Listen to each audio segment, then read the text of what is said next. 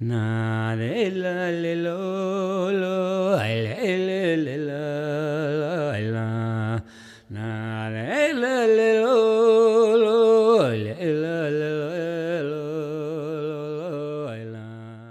Velkommen til Ridderdotter-museet sin podkastserie. Og i denne episoden så har jeg med meg Jori Gåserud Rogers fra Bono. Og jeg er Anne Mai Olli.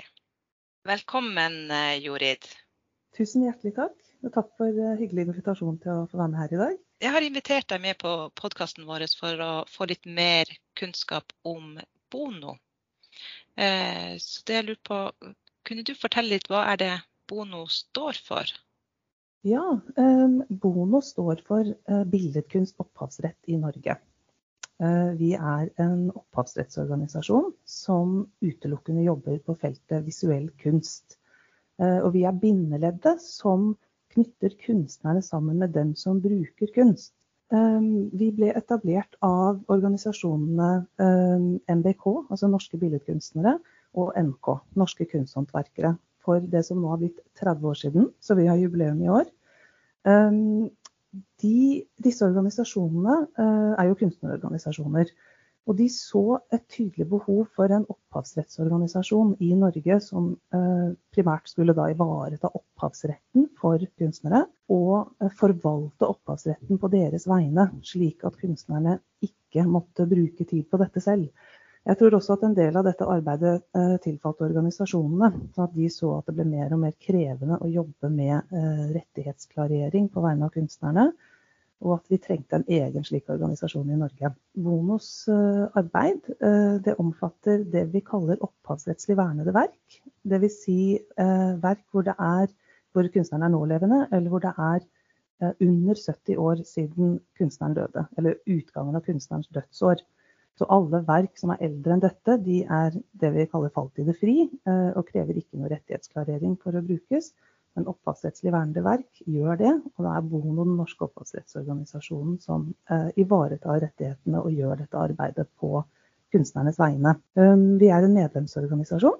Nå teller vi, jeg mener det er eh, 2700 medlemmer i Norge.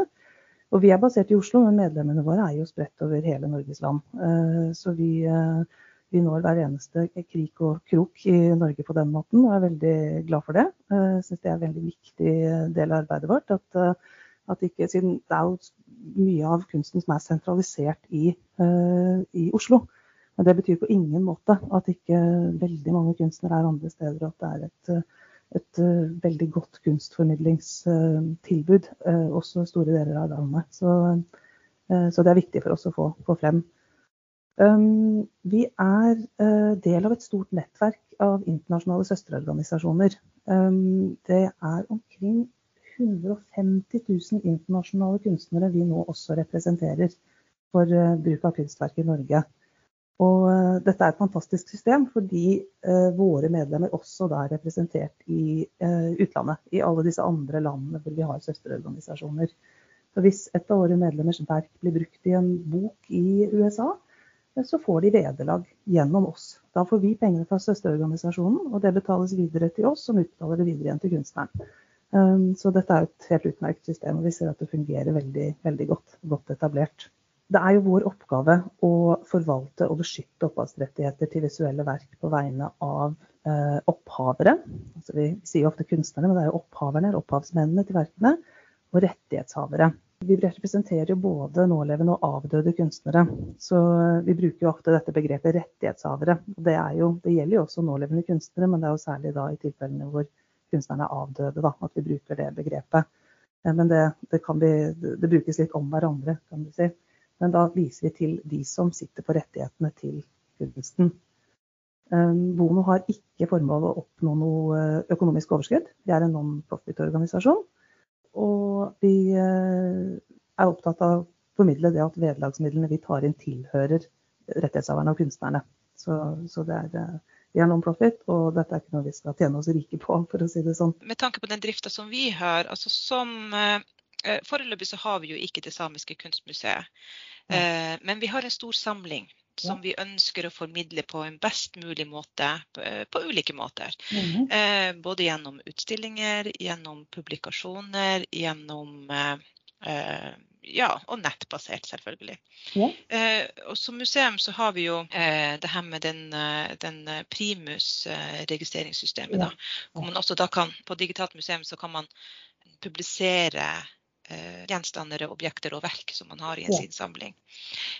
På hvilken måte vil vår type virksomhet eh, si, bli påvirket gjennom deres virksomhet? Ja, Museene har jo flere oppgaver. De skal jo samle inn, de skal eh, drive med forskning og de skal formidle. Og Det er jo sistnevnte som er bonusbord, da kan du si. Um, før jeg går nærmere inn på det, så er det viktig å understreke at i henhold til åndsverkloven har uh, museene rett til å drive med formidling i forbindelse med det vi kaller meddelelse om utstilling. Dette handler om å kunne informere om at de stiller ut og markedsføre utstillingen. Dette er jo den tradisjonelle formidlingen som fant sted tidligere, men vi ser jo nå, altså vi erfarer at museenes formidling nå har omfattet veldig mye mer, og at de nå skiller mellom denne relativt enkle formidlingen og massepublisering, da. Som f.eks. det å, å publisere museets samling kan falle inn under. Um, så denne formidlingen, hvor man eh, legger ut et stort antall verk, eh, og en formidling som strekker seg utover utstillingsperiode f.eks., eh, det eh, krever vederlagsutbetaling i henhold til loven. eh, og da må man klarere rettighetene til, eh, til å publisere på denne måten. Bonde representerer jo eh, en rekke medlemmer, som sagt. Men akkurat når det gjelder museenes eh, massepublisering, har vi godkjenning fra Kulturdepartementet til å ta inn vederlag for alle vernede verk. Så da gjør vi det uavhengig av om kunstneren er medlem av Bono eller ikke. Og det gjør det veldig lett for museene å klarere rettigheter i forhold til dersom man skulle da kontakte individuelle kunstnere og rettighetshavere som ikke var medlem. Så vi løser dette ved å tilby rammeavtaler, hvor man uh, har en løpende avtale og betaler i henhold til antall verk som har blitt brukt en gang i året. Eh, Da trenger man ikke vite på forhånd hva man har tenkt å publisere i løpet av et år. Og vi tar en runde på, altså gjerne i januar, hvor vi får en rapport på det som har blitt publisert i løpet av året. Og så fakturerer vi for det i henhold til eh, prislistene våre. Eh, Og da har vi jo priser som varierer avhengig av antall verk man publiserer, og også graden av utnyttelse. Altså Dvs. Si hvor vid formidling man ønsker å ha. Så da kan museene velge litt eh, forskjellige kategorier avhengig av behov. Og vi er veldig opptatt av at rettighetsklareringen ikke skal være til hinder for kunstformidlingen. Det er veldig viktig for oss å få frem at vi, må, altså vi etterstreber en, en balanse mellom at kunstneren mottar rimelig vederlag for bruk av verkene deres, samtidig som museene skal kunne fortsette med kunstformidlingen sin. Og dette ikke skal være til hinder. Vi er jo i eh, kontinuerlig dialog med museene om dette, eh, naturligvis. Eh, Vi ser at museenes behov stadig endrer seg, eh, og vi må følge med.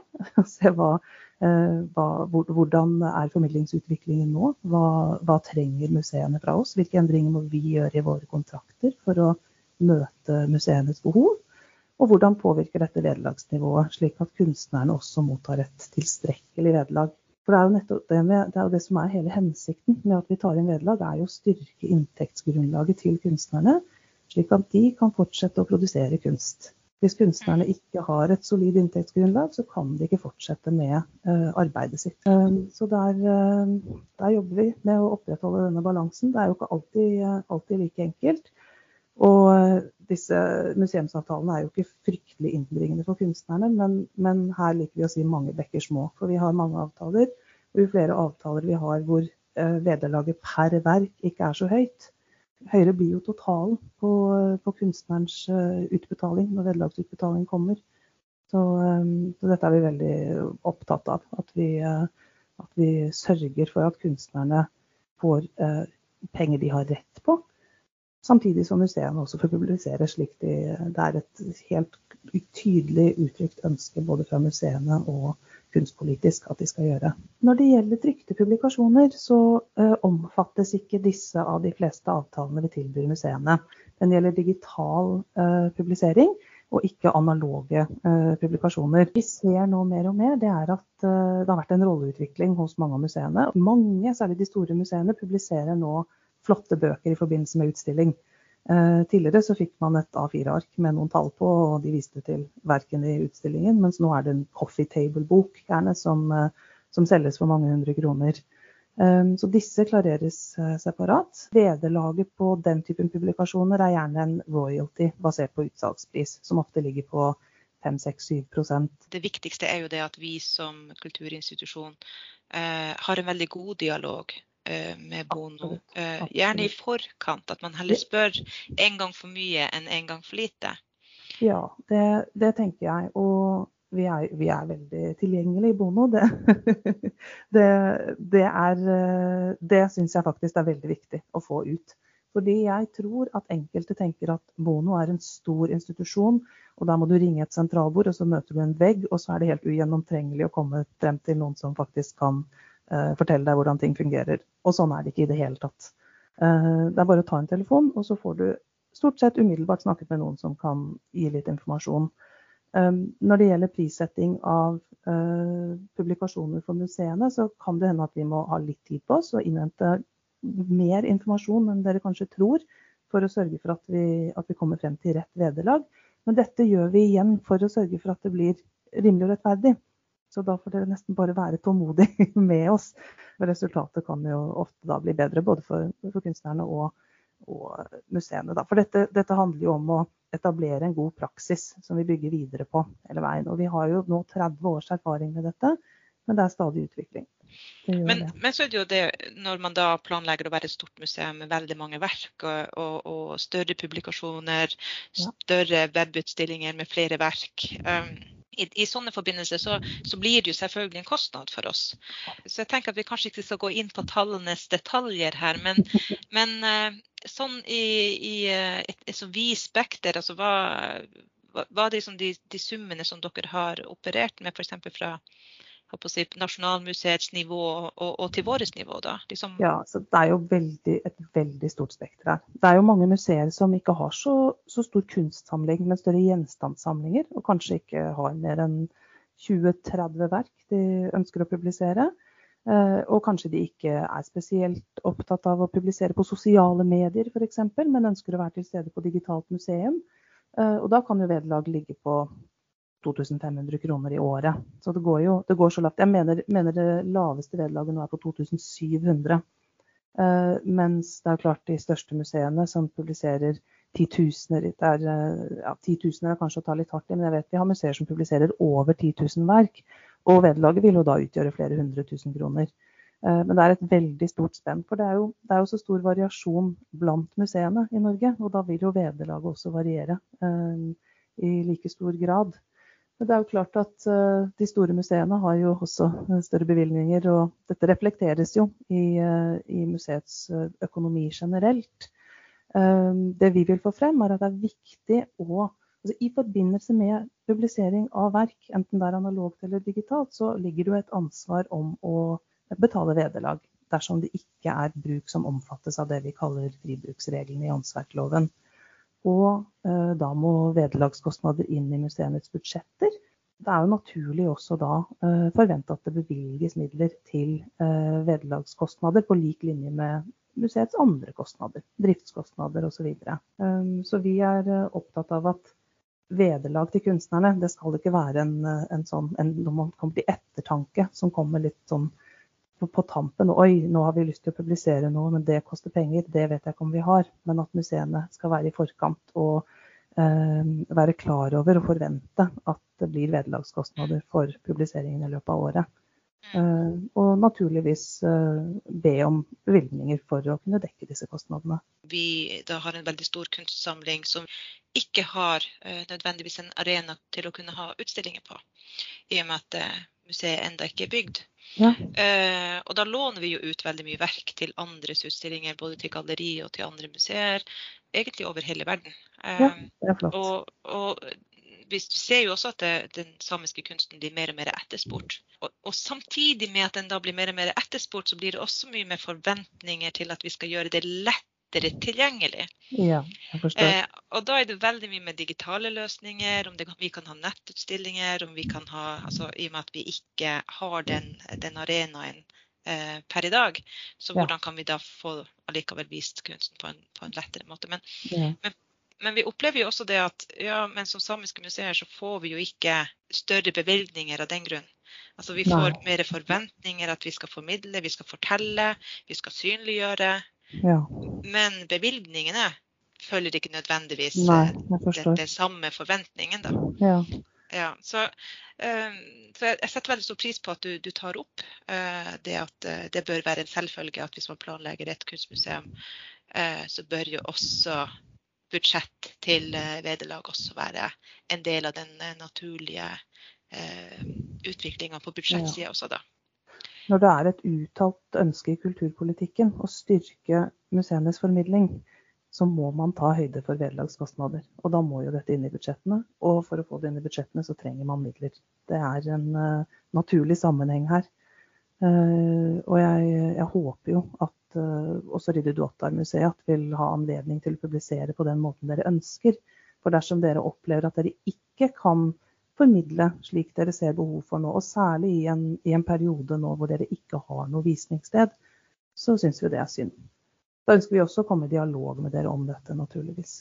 Vi snakker sammen nå, eh, men det er, eh, det er viktig for oss å, å få inn denne informasjonen. For som sagt, vi, vi er opptatt av kunstnerne får rimelig vederlag, men vi vil ikke være til hinder for kunstformidlingen. Samtidig kan vi jo ikke være i en, i en situasjon hvor eh, museenes behov eh, for midler til å publisere når dette er et uttalt mål, ikke blir møtt. Så det er en, eh, ja, det er en vrien nøtt, dette. Og jeg håper at det kan bli løst. Eh, Jeg håper at dere kan, kan publisere på den måten dere ønsker fremover. Du har jo snakka veldig mye om hvordan eh, Bono er, er organisert i dag. Ja. Eh, og hvordan ting utvikler seg egentlig med, med endret Altså at museene og andre eh, virksomheter begynner å endre måten man viser fram kunsten på Ja. enn en før. Hvordan ser du da for deg Bono i framtiden? Det er veldig vanskelig å si. Eh, Jeg tror vi kommer til å vokse. Eh, Vi er eh, flere ansatte i dag enn vi var for fem år siden. Vi er fremdeles en relativt liten organisasjon i forhold til en del andre opphavsrettsorganisasjoner som jobber innen andre fagfelt. Men vi ser jo at det har blitt en veldig mye større bevisstgjøring rundt dette at kunst er opphavsrettslig beskyttet, og man må klarere rettigheter og betale vederlag. Eh, Jeg har jobbet i Bono i ti år, og min arbeidshverdag i dag er helt annerledes enn den var for ti år siden. Fordi opplevelsen da var, i starten var at jeg daglig måtte forsvare opphavsrettens eksistens. Og forklare at jo, i henhold til loven så må du faktisk betale vederlag hvis du skal publisere. Kunstneren har rett på vederlag for dette. Mens i dag så er det ikke så ofte at, eh, at jeg erfarer at jeg er nødt til å komme med noen begrunnelse rundt hvorfor vi lisensierer og tar inn vederlag. Eh, Og det er vi veldig glad for. Og vi ser at eh, altså, vi har veldig mange forskjellige typer kunder. Vi klarerer selvfølgelig bøker, men også film, TV. Vi har mange avtaler med museene og andre kunstsamlere, rene kunstformidlere osv. osv. Og vi opplever nå at kundene våre ser på det som en selvfølge. At de må avtale med oss, og at de betaler eh, vederlaget eh, med glede, vil jeg, vil jeg kanskje ta hardt i. Men eh, det virker som at mange setter pris på det, at de vet at disse midlene går direkte til kunstneren. Vi har jo individuell fordeling av vederlag i Bono. Dvs. Si at det er den kunstneren eller rettighetshaver hvis arbeid har blitt vist, som også mottar vederlaget. Og dette er jo litt annerledes enn eh, en del andre organisasjoner fordeler opphavsrettsmidler. Men dette er vår, vår metode, og vi, vi syns dette er et viktig prinsipp. Eh, vi ser at særlig på litt større saker så kan dette også være ganske innbringende for kunstnere, og, og et viktig bidrag til kunstnerøkonomien, som igjen bidrar til økt kunstproduksjon i Norge. Så det er en del av dette kretsløpet, da, kan du si. Så det er eh, ja, definitivt mindre motbakke nå, og mer kunnskap der ute. Jorid Gåserud Rogers, tusen takk for at du kunne stille opp i Riddardotter-museet sin podkastserie. Tusen takk for at jeg fikk komme. Na,